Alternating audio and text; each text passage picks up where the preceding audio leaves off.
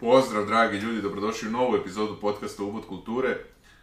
Danas ćemo pričati o možda i najvažnijoj temi, a to je mentalno zdravlje. Pre neki dan predsjednica psihologa Srbije Tamara Džamanje Ignjatović izdala saopštenje u kome je navela da je zabrinuta za mentalno zdravlje građana i povodom toga sam je nazvao, tako da ćemo pričati i o tome i o mnogim drugim temama. E, hteo bih se zahvalim svima koji me podržavaju preko Patreona i Paypala, linkovi su u opisu i hteo bih se zahvalim Mančmelu zato što podržava i deli iste vrednosti kao i ja. Ucubet.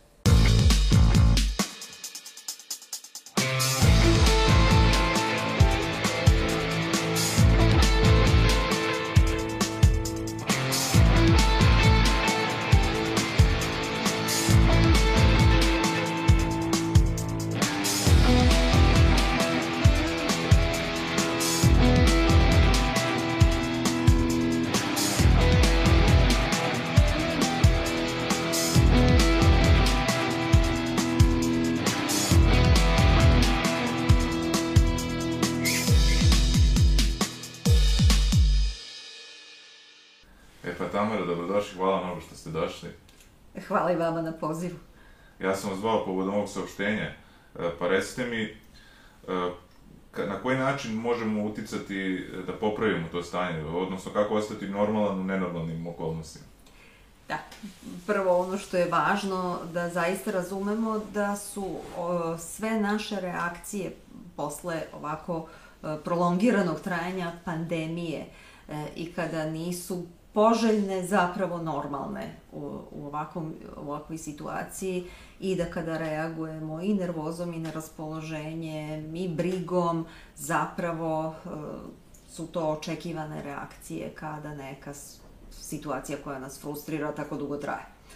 Dakle, prvi korak jeste prihvatanje i normalizacija takvog stanja, da odmah ne pomislimo da se nešto strašno sa nama dešava, ali to ne znači da je to dovoljno. Da. Pre svega treba razgovarati sa ljudima oko nas. Mislim, prosto kada delimo probleme sa drugima dobijemo najčešće i podršku od okoline i to je prirodna i ljudska reakcija i prva pomoć u krizi, jel? E, dobiti neku socijalnu podršku i emotivnu podršku, naravno. Znači, pre svega razumevanje. Razumevanje, baš razumevanje, podrška, emocionalna toplina, e sad problem je naravno što su nam sad ti svi kontakti ipak malo uskraćeni, pogotovo e, znači nam i, i zagrljaj, a sad svi već počinjemo da strepimo od tih bliskih fizičkih kontakata, ne samo sad, nego već e, dve godine unazad, a oni su nam zapravo u tim kriznim situacijama najpotrebniji. Da, da. Pa tako da imamo i sve više, da kažemo, otuđenje. Dosta sam i ja zabrinut što se tiče, da kažem, budućih generacija, kako će se to od- odraziti na njih. Prosto, sad neka deca te kreću u školu i sad oni preko Skype-a ovaj, upoznaju svoje prijatelje, mislim, tako da sve to je vrlo čudno, tako da... jeste najteže deci koja ulaze u novu sredinu već kroz virtuelni neki Da. prostor, online. E, oni koji su već se uhodali sa svojim vršnjacima, pa i njima je teško, naravno, što ne viđaju vršnjake na onaj uobičajeni način, a i kada ih viđaju, pošto škola menja režim kad je online, kad je uživo, opet e, i oni su svesni da postoji neka potreba za fizičkim distanciranjem. Oni malo lakše zaborave na to, ali ipak postoji ta svest, postoji e, ovaj, na, naredba, da kažem, e, dogovor da i oni nose maske, pa oni to stave pa zaborave, tako da postoji ta bojazan i među njima u odnosu na neku fizičku bliskost, uobičajenu dečiju igru. Ali jeste najteža onima koji su promenili sredinu, recimo krenuli u prvi razred ili krenuli u peti ili prvi razred srednje škole, e, brucoši na fakultetima, oni zapravo ne znaju svoje vršnjake, a to nam je tokom školovanja uvek bilo Da. e, bar jednako Da. važno koliko i samo školovanje. Pa dobro, vi ste se i u ovom saopštenju dotakli teme obrazovanja, pa bih povodom toga isto pitao, pitao bih vas e, kako da, da li postoji možda neka univerzalna formula kako da čovek odgoji e, psihički stabilno dete, ili na to ne može jednostavno da se, pro, pošto prosto i okolina dosta utiče na to. svi zajedno utičemo na to. Da. Imate onu afričku poslovicu koja kaže potrebno je celo selo da se odgaji dete. I to je tačno. Dakle, dete odrasta u porodici, ali odrasla, odrasta i u široj zajednici. I jedni na drugi utiču. Dakle, i porodica je deo te zajednice i na porodicu utiču širi društveni uticaj i, i roditelji. Naravno da, da je i njima vrlo teško da, da odgovore na potrebe svog deteta ako su sami pritisnuti svojim problemima. Vrlo često smo skloni da, da krivimo porodicu za njihove propuste u vaspitanju dece, ali zapravo treba razumeti da, da i njima veoma često vrlo teško da izađu sa svim izazovima na kraju. Eto sad imamo jedno mančmelo pitanje, a to je ko, koju knjigu iz psihologije bi preporučili ljudima? E, evo, upravo je nedavno prevedena jedna knjiga koja se bavi traumom, a trauma nam je postala zaista uh, neka reč koju vrlo često u svakodnevnom govoru počinjemo da koristimo. Uh, Dakle, to je knjiga Van der Kolka uh, Telo sve beleži. Mm -hmm. uh, jako dobra knjiga, obuhvatna knjiga, mogu je čitati i naravno profesionalci, ali je pisana na način koji možda bude veoma uh, zanimljiv i ljudima koji nisu profesionalno uh, vezani za psihologiju, psihijatriju i pomagačke profesije, ali njima je svakako prvenstveno namenjena ali mogu je čitati naravno i zainteresovani lajci. Pa skoro sam vidio jednu mhm. knjigu koja se zove, mislim, najbolja moguća e, nega i jako je teško doći do nje, pošto su me razni ljudi pitali kako da dođu do nje, prosto vidim da samo ima na Amazonu to i to na engleskom, ovaj, mm. u principu, pošto je tu antropološkinja, sad da li se zove Margaret, e, pa sad ne znam kako se preziva, ali antropološkinja Margaret je navela da je prvi, da kažemo, simbol civilizacije zapravo butna kost jer kad dođe do preloma kod životinja nema ko da pomogne, a ljudi jedni drugima mogu da pomognu i mm -hmm. tako da ih spasu, tako da kažem. E, da to prvi znak. se radi o Margaret Mead. Margaret Mead, mm -hmm. tako je. Margaret Mead.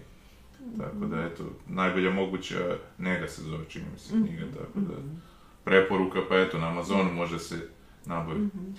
A recite mi, eto, vi ste naveli takođe u saopštenju da ste zabrinuti uopšte kako, ovaj, kako se tretiraju ljudi, mislim i kroz medije i e, šta mislite, kako, kako da ljudi izbegnu ovaj, taj medijski pritisak i to sve što ih uvodi u neku paranoju i ovaj, taj broj informacija koji je nenormalan, kako od toga pobeći?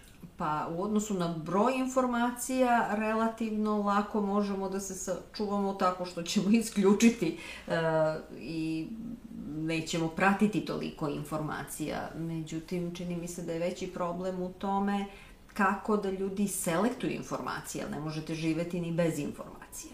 E, I one su vam ključne da bi se snalazili u današnjem svetu koji je sve kompleksniji.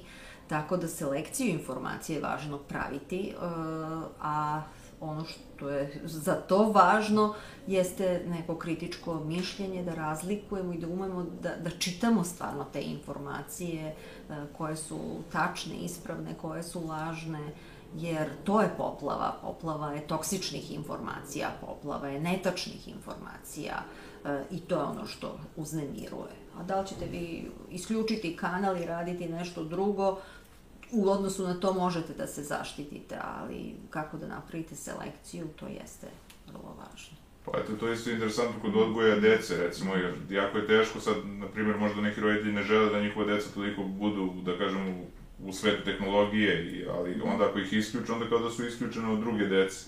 Prosto, onda kao ne prate, bit će odsečena kao od, neće znati šta da pričaju sa njima, mislim, tako te stvari koje za decu to jeste nešto što je njihovo zajedničko iskustvo, kao što su se deca ranije igrala nekih drugih igara i ako je neko isključen iz igre, on je isključen iz grupe vršnjačke.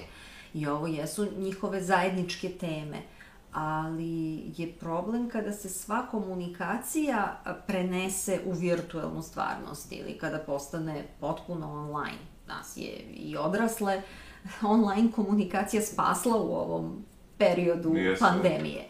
Dakle, nastavili smo i da radimo, nastavili smo i da se družimo sa ljudima koji nam nisu tu blizu, pored, dakle, koji nam nisu ukućeni, ali je problem kada to postane zaista ono što sad već kažu nova realnost. Da, Da. smo se mi potpuno prebacili u virtualnu realnost. Naravno da to za decu ima još drastičnije posledice jer e, u tom prostoru oni nemaju ono što je kvalitet prirodne komunikacije, odnosno nemaju feedback. Ako vi stalno gledate ispred ekrana neki, neku video igru ili već šta god gledaju, ovaj, vi nemate reakciju koja je u stvari povratna reakcija na vašu reakciju. A deca odrastaju, mi, mi se modelujemo, modelujemo naš odnos prema sebi upravo iz socijalnog feedbacka.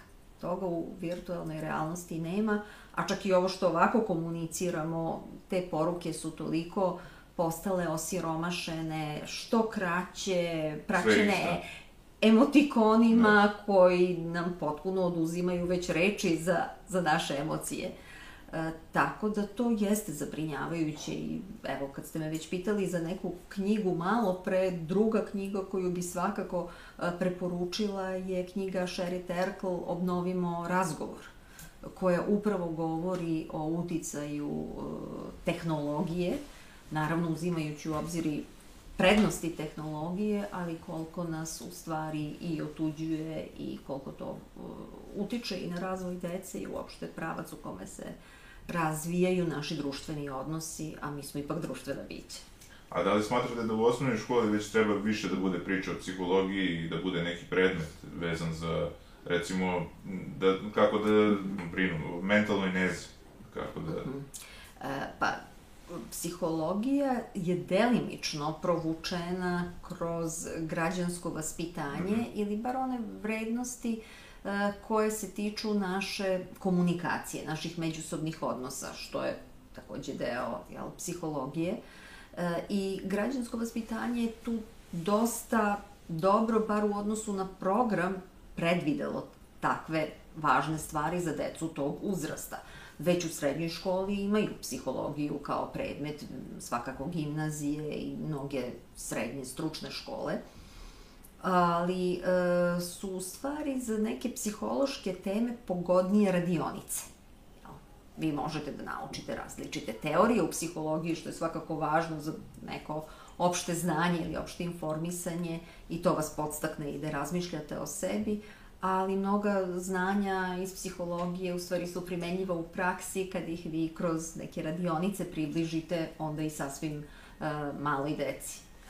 Pa to isto što- ste spomenuli saopštenju vezano za zaštitu životne sredine. Možda bi bilo dobro organizovati neke akcije, te ekološke, da kažemo, već u osnovnoj školi, mislim. Pretpostavljam da možda i ima nekih akcija, ali mislim sad trenutno nisam upućen u to, tako da... Sada je cela nastava u problemu prosto Da. zbog covid ali e, nekim predmetima e, jeste predviđeno ovaj, i predviđena i obrada tih tema, da li još iz biologije, ali svakako iz građanskog vaspitanja. E, u srednjim školama imate i druge nove predmete koji se posebno bave tim, gde je predviđena projektna nastava, odnosno da učenici ne uče neke lekcije iz učbenika, nego upravo da preduzmu neke akcije, male projekte, između ostalog oni se mogu odnositi i na zaštitu životne sredine.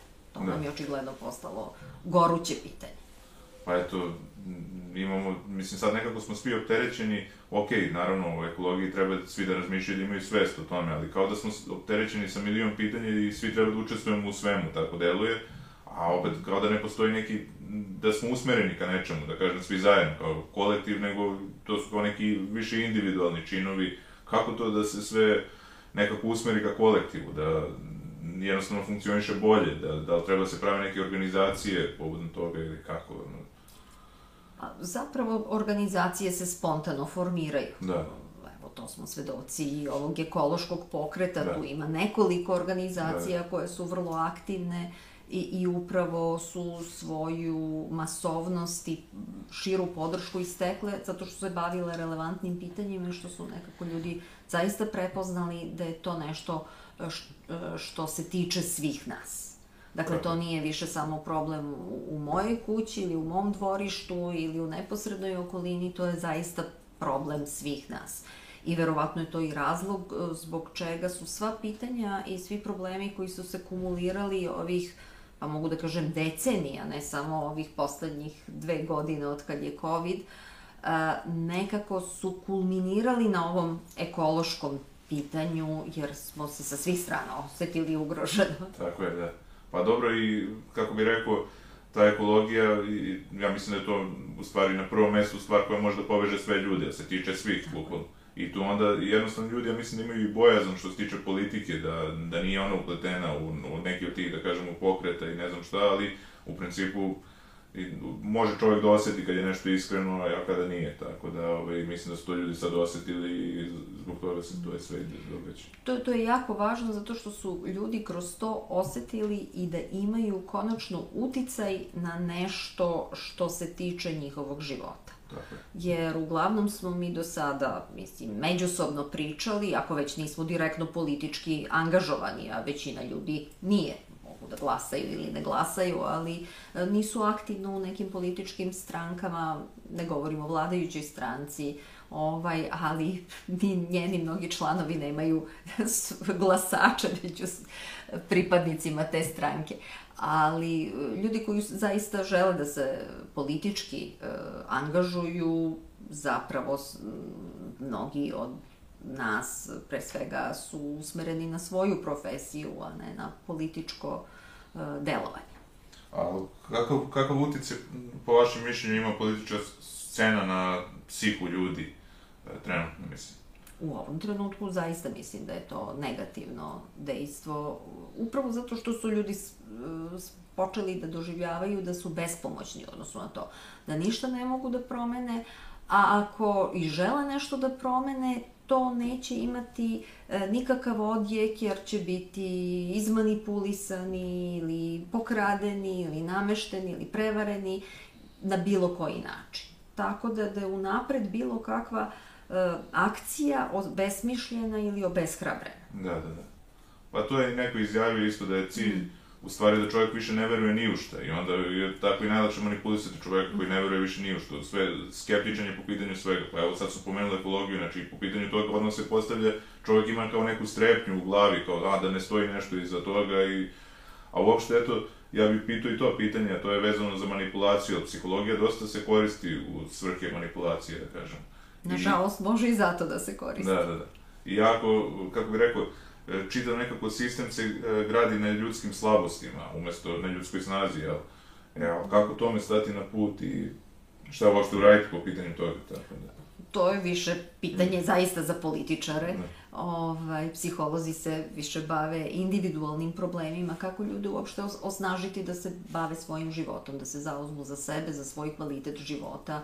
Uh, dakle, ovaj, već neko političko angažovanje zaista pitanje za političare, ali ono što ja mogu da kažem je jako uh, korisno je da ljudi mogu da stanu iza nekih konkretnih ideja. Mm -hmm. moj utisak je da više staju iza lidera, a da zapravo sada nema uh, nekih ideologija da. i ideja koje bi dali ljudima smisao da se okupe oko neke dakle, ideja, to je ključna stvar, mislim, ljudi su usmereni ka nekom cilju i ka nekom smislu. Ali koliko, kažem, koliko god da je dobro, koliko god da je loše što nema e, ideologije, toliko je uh, loše za političare što nema ideologije. Prosto te političke stranke ne veže nikakva ideologija, znači to ako se raspadne zdravo doviđenje, niko nema neko, neko verovanje čvrsto u to, jednostavno su većina iz neke koristi ili nekih, da kažemo, zbog pozicije tu, tako da... Ne, ne ulazeći u njihove lične da, da. motive, dakle da. motive tih vođa, možemo da, da. da pretpostavimo da, da. da tu ima, jel su, rednjivosti, kompeticije i drugih prosto ljudskih slabosti, ali zaista broj stranaka koji većinu i ne znamo i ni da postoje ili imamo problem da se setimo uh, kako se koja partija zove, ovaj, zaista to već svedoči da tu nema ideja da, ili da, ideologije. Slažem se. A kako približiti običnim, da kažem običnim ljudima, pod navodnicima, psihologiju, znači koji se ne bave, da kažem, psihologiju? E, pa, To, to je u velikoj meri e, prisutno, pitanje je samo koliko to ljudi prate. Imate s jedne strane onu, on, mnogo e, publikacija iz oblasti popularne psihologije i za to postoji veliko interesovanje. Te knjige se da. puno da. kupuju. Ne znači da su Aha. sve ili da ih je većina dobrih kvaliteta. Najbolje je kada zaista uh, psiholozi kao eksperti uspeju da napišu neku knjigu koja je, mm, koja je pisana jezikom koji ljudi razumeju. Pa da, da. I, a kako recimo, kako bi vi objasnili razliku između psihologa, psihijatra, mhm. ljudima koji, mislim, ne znaju koje je razlika? E, da, često postoji zabuna. Pa, pre svega je u školovanju. Psiholozi završavaju psihologiju na filozofskom fakultetu, psihijatri završavaju medicinu mm -hmm. i onda se dalje specijaliziraju za psihijatriju. E, njihov rad je delom zajednički, dakle preklapaju se u delu delovanja vezanog za mentalno zdravlje.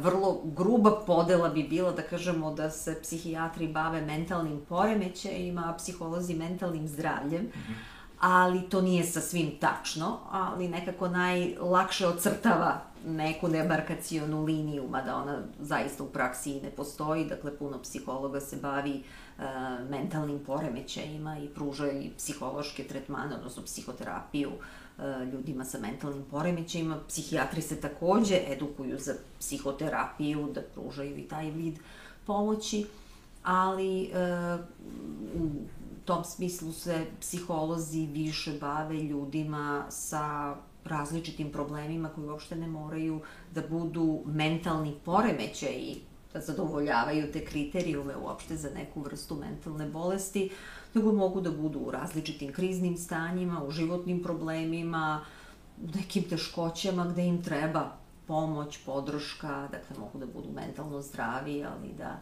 imaju svoje životne probleme kao što ih i svi imamo i da im treba neka stručna pomoć. I u principu psihijatar može da prepiše lek, a psiholog ne prepisuje.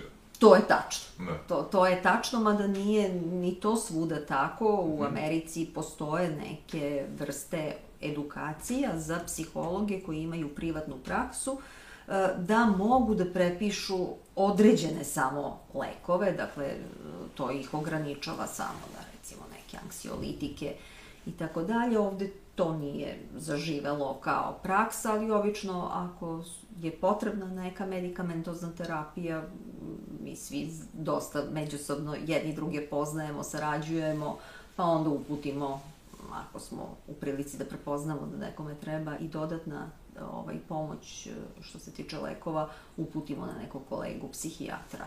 I obrnuto, da imate puno psihijatara koji su i završili obuke iz psihoterapije, pa onda mogu da ponude i jedno i drugo. A eto sad, pričali smo o manipulaciji, sad, dobro, ja nisam mislio strogo o politička manipulacija, mm -hmm. nego recimo, ja sam gledao neki test koji su mhm. radili razni tu mhm. ljudi, ovaj, dakle, neki čovek je izvadio dve slike, dve žene i rekao je da izaberu koja im je atraktivnija te dve žene. I sad su oni izabrali tu, izaberu tu jednu određenu, i među vremenu zamene sliku, ovaj, i sad oni prikažu tu, tu sliku koju ovaj čovjek nije izabrao. I, on, i, taj čovjek priča o toj slici kao da je izabrao, dakle vrlo je lako manipulisati ljudima, izgleda da su stvarno ljudi pogodni za manipulaciju. Sa te strane sam mislio kako da ljudi budu zaštićeni, dakle da se ljudi zaštite od manipulacije, da je to to je ono što uh, treba obeshrabrivati, uh, odnosno što je obeshrabreno uh, tokom celokupnog razvoja na, i kroz školovanje i kasnije da zapravo ljudi kritički misle i da nisu sigurni u sobstveni sud i sobstveno mišljenje, tako da radije se priklanjaju većini. I to su mnogi eksperimenti i socijalne psihologije pokazali da vi čim čujete da većina ne vidi ono što je vama očigledno, počinjete da sumnjate u sebe, a ne u stav većine. I to je osnova, e, mislim, na kojoj se gradi i konformizam. Da, da. Prosto je čovek e, u poređenju sa većinom se osjeća tu i izolovan, a i nesiguran da li je baš u pravu. A kako je vaše mišljenje o ovim, da kažemo, alternativnim nekim lečenjima i u principu lečenje uh, LSD-em, koje je bilo jedno vreme kao, mm. da kažemo, i, i nepriznato, ali mislim, dr. Hoffman, on je tvrdio da kao nema napretka bez toga. Šta, šta mislite o tome? E, ja e, ne znam dovoljno o tome da bi mogla da pričam kompetentno, ali znam da postoje vrlo valjani dokazi da to ima uspeha, da se takva terapija daje i kod traumatskih, dakle, traumatskih iskustava i da ima dobre efekte. Naravno, to znači vrlo kontrolisano, vrlo da. pažljivo u uslovima da zaista stoje eksperti iza toga koji znaju kako, na koji način, kako pomoći osobi koja doživljava u tom trenutku neki doživljaj ovaj, da ga kanališe u pravcu jel, nekog oporavka, ali čula sam da zaista, mislim, može o tome da se i pročita, da zaista to ima osnovu za, za pozitivan ishod treba se odmah naravno i da se ogradi naravno, jer prosto čoveku i nekoj da kažem i radoznalost i potrebi da vidi ja šta mhm. dalje, ono, jer imali smo sad film ovaj koji je bio, zvao se Druga runda ili kako već sa Mats Mikkelsenom, gde je bilo kao mikrodoziranje alkohola, koliko pozitivno utiče na ljude, kako je 0,5, ali naravno da se to pretvorilo u pijanstvo Hoću da kažem, verovatno da bi postojala, kad bi čovjek na svoju ruku to radi, to mikrodoziranje, ne znam, pečurkama, LSD-em, mm -hmm. da bi čovjek te, imao želju da vidi, a šta ako uze malo više, tako da to je jako veliki problem ako nema nekog doktora koji to ovaj, ne kontroliše, da, tako da... Mislim, to, to svakako da. mora da. uz eksperte, da. ali nažalost kada su neke takva kako da kažem, alternativna shvatanja, onda imate i alternativne stručnjake koji se tu lako umetnu da, da. i predstavljaju se da su stručni i to može zaista da vodi ka, ka rizicima. Pa i mi sad imamo isto smo svedoci toga da jednostavno svi imaju neko svoje mišljenje o nečemu o čemu ne znaju ništa. Mislim, prosto... To. Pa da u, u redu je, potpuno je ljudski da čovjek kaže ne znam ništa o tome, prosto ne razumem se u to i to je to. Mislim, ja sam zadužen za ovo, nije to moja oblast, a neki čak kao da guraju nos u nešto što ih se stvarno ne tiče. Mislim, naravno imaju svoje neke benefite toga, ali mislim, meni to stvarno užasno u situaciji da se koristi, mislim, zdravstvena situacija, mislim, stvarno katastrofa. Jeste, da... jeste, a nažalost tome pogoduju i mediji, da. Uh, jer danas zaista svakome je pristupačno da nešto postavi na društvene mreže. Da. I to se jako lako širi, mnogi se uh, lako primaju na to i onda kad ste nesigurni ili se osjećate na bilo koji način ugroženo, naročito ste podložni toj vrsti informacija da nešto što se nudi je opasno ili nešto što se nudi je spasonosno i zapravo nemate na osnovu čega da date argumentovano mišljenje. A s druge strane, upravo broj ra različitih e, neproverenih i jasno lažnih informacija e, baca senku i dovodi u sumnju i u pitanje e, istinite informacije. I onda ljudi ne veruju ni, ni stručnjacima. Da, da. I to je problem. To je ono što smo pričali, da čovjek posle onda više ni u šta ne veruje, tako kad iznevere. Da. I bilo bi dobro kad bi postojala ta neka vrsta odgovornosti da ti ljudi koji kao izlaze eto, pred medije da potpišu nešto pre nego što kažu. Kao, e, ako se ispostavi da to nije tačno, odgovaraću za to. Ali to ne postoji. To, to tako, je, daleko smo to je neka, od toga. To je neka, da kažemo, ideal neki društva, ali međutim. A recite mi, kako se umetnici snalaze, pošto su oni, da kažemo, osjetljivi u ovim svim okolnostima, da li u jednom trenutku su bila je priča kako to u početku je kao, a, to je najmanji problem za umetnike, jer prosto kao, eto, zatvore se, pišu, ne znam, slikaju, mm. a i vi sami ste umetnik, pa možda možete i iz tog ugla da mi kažete i, mislim, generalno uopšte, kako je vaše mišljenje? Dobro, to, to je moj hobi, ne mogu ja da, da se deklarišem kao, kao umetnica, ali svakako da to puno znači, da to jeste jedan vid, kažem, um, onoga što, što vam donosi zadovoljstvo pa vam pomaže da se nosite sa realnošću. Uh, međutim, umetnici žive od svoje umetnosti, je. tako da uopšte ovakva vremena ne mogu baš ni njima da pogoduju. Drugo, svi smo mi ljudska bića kojima treba i društveni kontakt i, i uh, odnos prema zajednici, dakle to zavući se, izolovati se i baviti se samo svojom umetnošću, e, isto tako nije, nije dobro, možete da kažete to isto i za naučnike, mogu da se izoluju i da se bave samo svojom naukom. Divno je kad imate posao koji vas potpuno apsorbuje i radite ga iz zadovoljstva i ne primećujete ni vreme koje teče, ni ono što se dešava oko vas, ali postoji i svet van toga Da. koji nam svima i treba i znači u manjoj ili većoj meri. Tako da, mislim, za mene moje bavljenje time je čisto hobi. Meni to prosto prija, a nemam ono opterećenje da moram da, ne znam, postignem neki uspeh ili da živim od toga. Tako da sam rasterećena onog rizika koji mnogi umetnici nose. Ali pored 16 knjiga koje ste napisali vezano za psihologiju, vi ste napisali jednu knjigu o kućnim ljubimcima, tako? Jesam, jesam. To, to je još jedan izvor mog nekog ovaj, životnog zadovoljstva. Uh, taj kontakt sa, sa životinjama i uh, zaista sam cel, celog života, tokom celog odrastanja ovaj, imala kućne ljubimce, neki put jednom, neki put više njih ovaj, i, i nekako je to nešto što se prosto spontano desilo. I onda uh, smo moja koleginica i ja uh, došle na ideju da napišemo nešto o tome.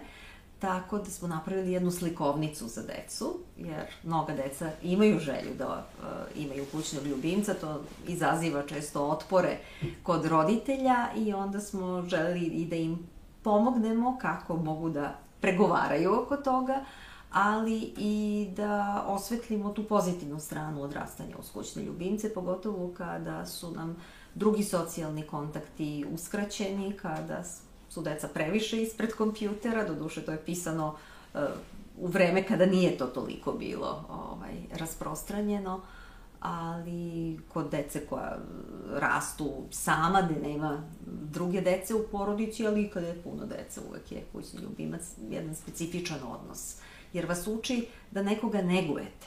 Da, Mi da. često posmatramo uh, odnose uh, na način šta ja mogu da dobijem iz nekog odnosa, kako su moje potrebe zadovoljene. Ali kroz odnos sa kućnim ljubimcima uh, vi zapravo učite koliko vam radosti donosi to što neko, nečije potrebe zadovoljavate. Što je zapravo definicija ljubavi. A ima i posebno, da kažem, grana lečenja, to je, ovaj, se zove hipoterapija. Da, konjima. Sa konjima, Jeste i uopšte i druge živote, recimo deci sa problemom autizma, e, bili su programi sa, e, s- kontakt sa delfinima, recimo. M, Kućni, mislim, psi i mačke su veoma lekoviti i blagotvorni za ljude koji su usamljeni, za, u, u domovima za stare, E, imate jedan sad jako dobar projekat e, Kriminološkog instituta gde e, zatvorenici brinu o psima iz azila i to je tako lekovito i za njih i za njihovu resocijalizaciju i naravno i za same pse koji dobijaju nekoga ko, ih, ko brine o njima. Pa čuo sam da to može bude jako zanimljivo, jer prosto ljudi dođu ovaj, kao na tu terapiju i tu bude par životinja i onda izaberu same životinje, ovaj, dođu kod čoveka, to sam, slušao sam da su to baš fini procesi. Jeste. Jeste, jer su nenametljivi. Životinja vam se ne nameće. Vi očekujete od ljudi, mislim, idete nekim svojim tempom u, u tom uspostavljanju bliskosti. A životinja nikad nije na taj način nametljiva i prosto vas pušta da joj priđete onoliko koliko ste spremni. A koliko je uopšte, da kažemo, kultura važna za psihu? Da se čovek e, zanima za kulturu, za, za čitanje, za... Pa to svakako može da bude isto neki izvor zadovoljstva, ali to nikome ne možete nametnuti, ali je važno da se promoviše e, što više opet od obrazovanja, mislim i od porodice i od e, škol, strane škole, ali sistema obrazovanja. To je važno, kroz kulturu negujete neke vrednosti, vi kroz školu vred, negujete različita, odnosno razvijate različita znanja, različite kompetencije i tako dalje, ali kultura vam nudi i neke vrednosti, a da. čovek se orijentiše u životu i prema vrednostima i to mu je važno. Nažalost, sada o tome nemam ni malo pozitivno mišljenje. Dakle, danas živimo u vremenu izrazite nekulture i u tom pogledu možemo mi i ekonomski napredovati ili ne znam kako napredovati u pogledu tehnologije, razvoja, izgradnje, ali mi smo u jednoj ozbiljnoj regresiji u odnosu na kulturu.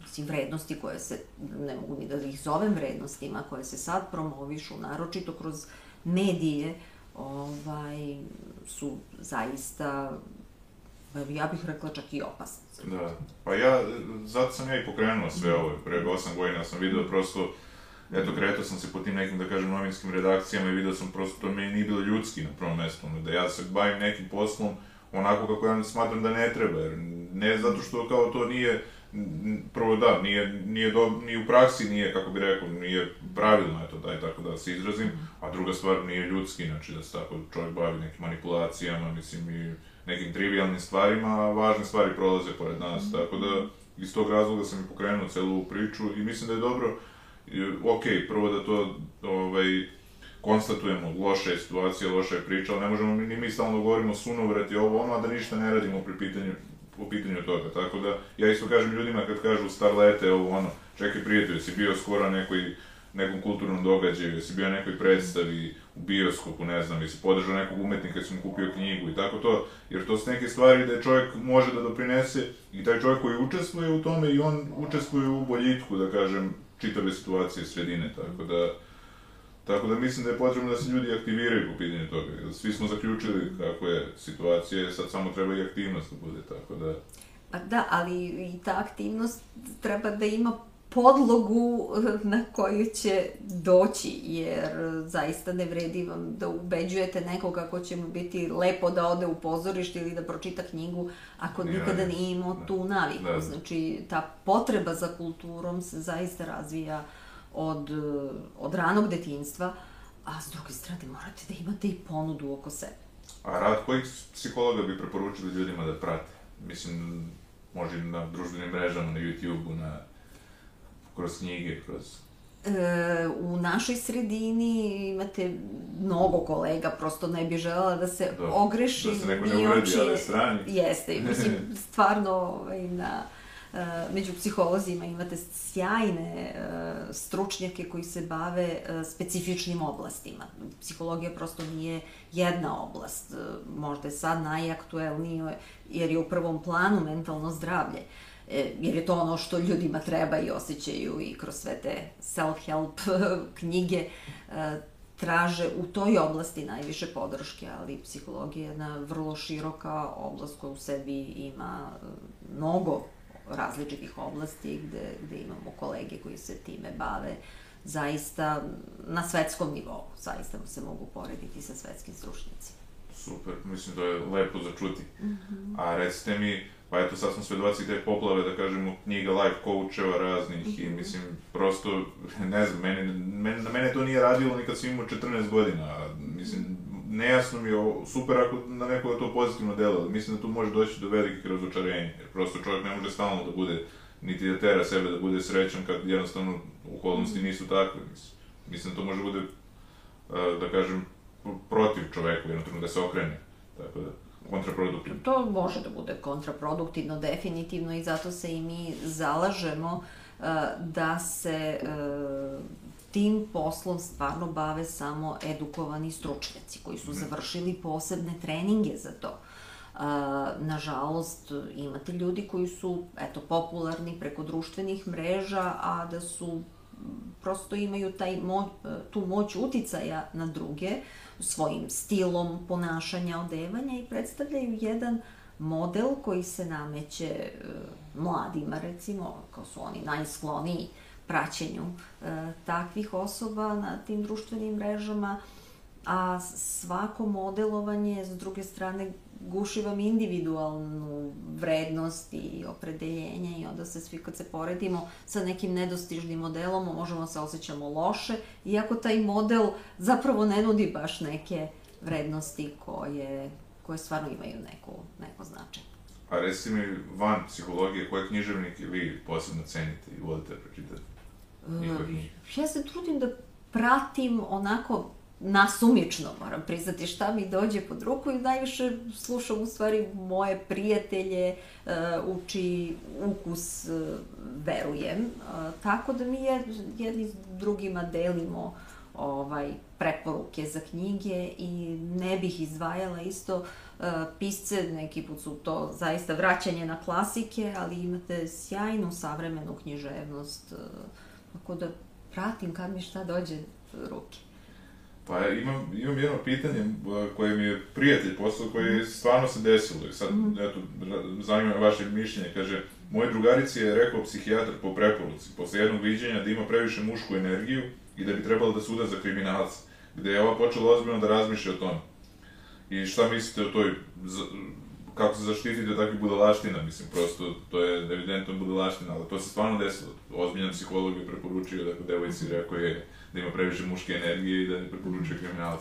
Pitanje da li psiholog, malo pre ste rekli psihijatar, ali svejedno da, ko, o, svakako da pre svega ono što je ključno, Uh, u bilo kom savetovanju, kako god se to zvalo, savetovanje to nikada nije davanje saveta. Uh, ovaj savet je mislim, ne, bolje ga i ne komentarisati, da, da. definitivno nije stručan, ali čak i kada dajete stručni savet, e, to ne može da bude u formi ti treba da uradiš to i to, to je najbolje za tebe. Svaka osoba ima pravo da odlučuje o svom životu i da bira.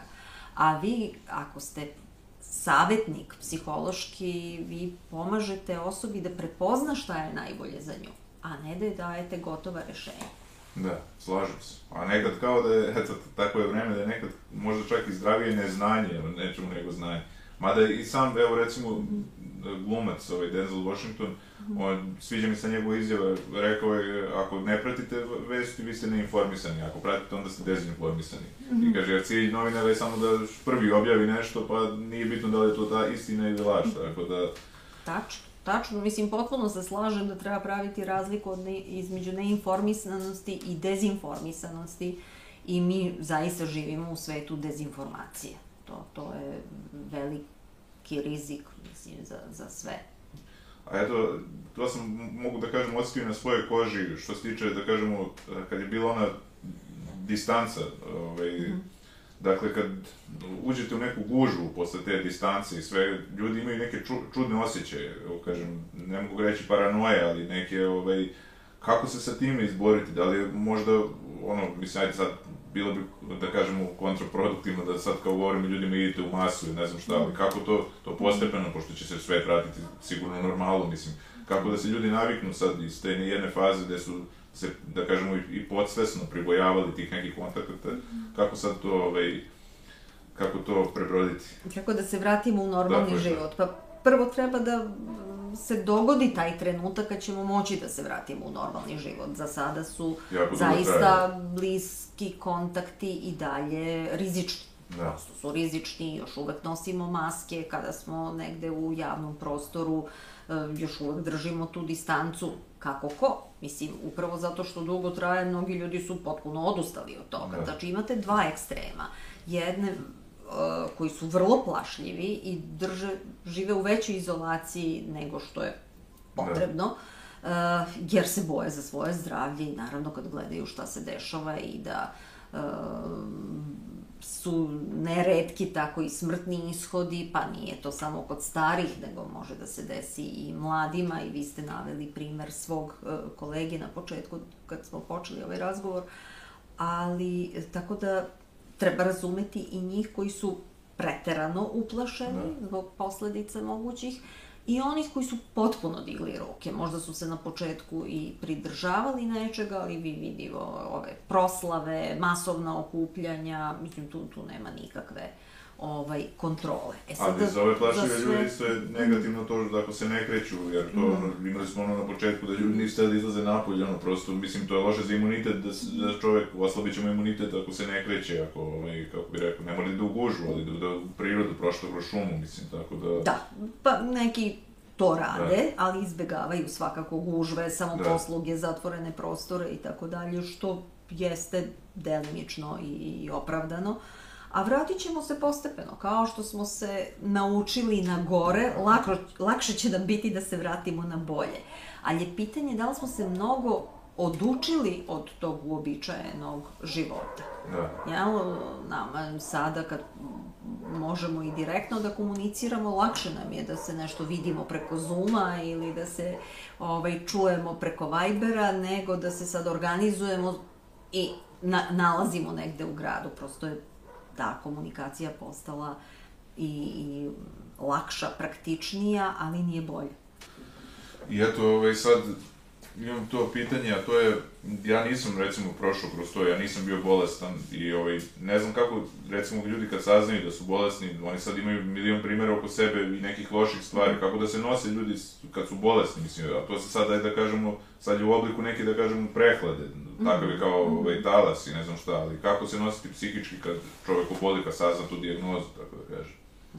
E, pa, većina ljudi zaista ipak prati informacije i čuje da je ovo sada uh, lakši oblik, da. dakle omikron da uglavnom, pogotovo kod vakcinisanih ljudi, zaista ne ostavlja neke ozbiljnije posledice, da su i dalje u riziku oni koji nisu vakcinisani i starije osobe, pogotovo ako nisu vakcinisani. Tako da, uh, kad čovek oboli, isto tako ako i vidi neke vrlo ne, mislim tragične primere ovaj vidi ipak većinu ljudi koji su se brzo i uspešno oporavili. E sad svako gleda ono što što čemu je više sklon to vam je ono kao pola čaše puno pola čaše prazno. Neko će da gleda onog jednog koji jedan slučaj koji se tragično završio drugi će da gleda onih 99 koji su se završili uh, kao, kao i svaka druga prehlada ili grip. Ali imamo da je sve češće, da kažemo, i e, oboljenja od anksioznosti i depresije mm. više nego od korone. I ovaj, kako se sad, mislim, ajde, dobro, tu tome ima dosta i priča i sve, mm. ali, znači, verovatno i odlazak kod psihologa bi bio dobar, psihijatra. Mm. A, šta preporučujete u tim situacijama, kad se čovek Svakako. budi sa lošom energijom? Da, tako da... apsolutno treba da se obrati e, stručnjacima ako vide e, da to stanje duže traje. Jer neki put vi možete, mislim, svi imamo oscilacije u raspoloženju, neki put smo zabrinuti više nego što možda i je i potrebno u toj situaciji, ali to proće. Dakle, ne morate na svako negativno osjećanje odmah da tražite e, pomoć, najčešće to, kažem, i dovoljno uz prijateljsku e, podršku savladati, ali ako nešto prolongirano traje, produbljuje se i preti da od nekih anksioznih tegoba preraste u anksiozni poremećaj ili u depresivni poremećaj, onda svakako je važno da se obratite za pomoć. A to i imamo situaciju gde su, da kažemo, ne poštuju se zakoni realno i kakva je tu priča što se tiče psihologije i zakona? U smislu da se primenjuju zakoni kod nas, ali ovaj, psiholozi imaju tu odgovornost ili radi ko šta hoće. Mislim, već smo rekli u neku mhm. ruku da ima toga, da ljudi nemaju odgovornost da pričaju o svačemu, tako da... Mm -hmm. Da li postoji neka kazna, kako da, ne znam kako da se izrazi, neki zakon koji... Za psihologe, mislite? Da, da, da, da, da. Ovaj, pa evo, sad ste me baš pitali nešto što nam je najaktuelnije, osim ovog bavljenja pandemijom, e, zapravo psih, postoji zakon o psihološkoj delatnosti još iz 94. ili 96. nisam sasvim sigurna oko godine, ali jedan zakon koji traži zapravo da se inovira. I upravo je u izradi novi zakon za psihološku delatnost e, i oko toga, mislim da smo vrlo blizu nekog finalnog nacrta od predloga tog zakona, koji će regulisati zapravo s jedne strane i zaštititi psihologiju kao struku, jer s jedne strane vi morate da zaštitite klijente od nestručnih psiholoških usluga, s druge strane morate da zaštitite i psihologe kao struku od upada drugih nestručnjaka u tu teritoriju. Jer ono što zaista nama kao profesiji šteti ugledu te profesije, što se drugi predstavljaju kao psiholozi, odnosno da nude psihološku pomoć, a da to zaista nisu. Dakle, mi možemo da imamo, naravno, ovaj, da se bavimo psihoterapijom ako smo završili zaista adekvatnu edukaciju iz psihoterapije. To mogu psiholozi, mogu psihijatri, mogu socijalni radnici, dakle mnoge struke, ali za to postoji posebna edukacija. Da. Ali ne možete se predstavljati kao psiholog ako to niste. I nastojimo da tim novim zakonom to jasno pojasnimo šta jeste naša delatnost, šta su delatnosti koje delimo sa drugim strukama za koje su potrebne posebne edukacije, a šta zaista treba da bude kažnjivo po zakonu o psihološkoj delatnosti ako se neko tako predstavlja, a to nije. Dakle, štitimo i sebe od drugih, ali štitimo i klijente od nas samih ili onih koji se tako predstavljaju, a to nisu. Pa eto, i svedoci smo da, da u današnje vreme, da kažem, dosta ima i golotinje i ka, kako recimo utiču porno filmovi na psihologiju čoveka? Na neko nerazvijeno, da kažem, dete i u mhm. tinejdžerskim godinama? Ja mislim da je takvih sadržaja bilo od uvek možda su sada lako Ali sad dostupni. Uglu, da, kažem. da, do, ja ne mogu da, da mnogo pričam o tome, stvarno to ne pratim. Ovaj, I zaista ne znam koliko je to, to prisutno, ali jeste promovisano na onaj jedan uh, način ko, koji je vulgaran. Dakle, zaista je bilo tih porno časopisa i porno filmova odavno. odavno. Da. A da ne kažem od uvek, ali zaista odavno. Uh, verovatno je sad pristup tome preko svih tih društvenih me, mreža mnogo uh, lakši. Ali ono što je problem, što se to sada promoviše uh, mnogo više i kroz uh, medije, kroz da. programe. Vi postajete uspešni ako imate neke karakteristike koje bi prevezali zaista za neku porno zvezdu nego za, ne znam, voditeljku određenog programa ili nekoga. Mislim, prosto takve osobe se, se zaista stiču popularnost, stiču veliku materijalnu dobit od toga i mogu da predstavljaju zaista uzore za uh, mlade devojke da kažu, eto, to je onaj lepi, lak život uh, da. koji deluje kao zabava, a Pa pretpostavljam da utiču i na grubost odnosa između mu, muškarca i žene, jer nekad su i žene samo predstavljene kao seksualni predmet i imamo tu taj problem sa kockarnicama i kladionicama o kome ja pričam, a to je to reklamiranje kladionica i kockarnica. Prosto ne ide da poznate ličnosti reklamiraju kockarnice i sportisti, glumci, mislim, tako da baš ne ide, mislim, tako očigledno da su te kockarnice danas e, vrlo popularne i sa reklamom i bez reklame mm. uh, i da to privlači mnoge mlade, sreća mnogi od njih neće zbog toga početi time da se bavi na jedan uh, destruktivan način, mislim, kao što možete da igrate karte, ali da ne postanete kockar, jel? Yeah. Uh, kao što možete pijete alkohol, da ne postanete alkoholičar ali jeste rizik za mlade kad im se u toj meri nude te vrednosti, e, posebno od onih koji su njihovi uzori. Mm -hmm. to, to jeste problem. Pa da, mislim da bi potrebalo da postoji tu neka regulativa, dakle da, prvo da ne mogu da se reklamiraju prosto, jer ne može da se reklamiraju, koliko ja znam, ne može da se reklamiraju cigarete i ne može mm alkohol, ovo nije ništa bolje od toga, jednostavno je samo društveno prihvatljivo i to je to, mislim. Ali eto, a recite mi, religija i psihologija, koja je tu povezanost?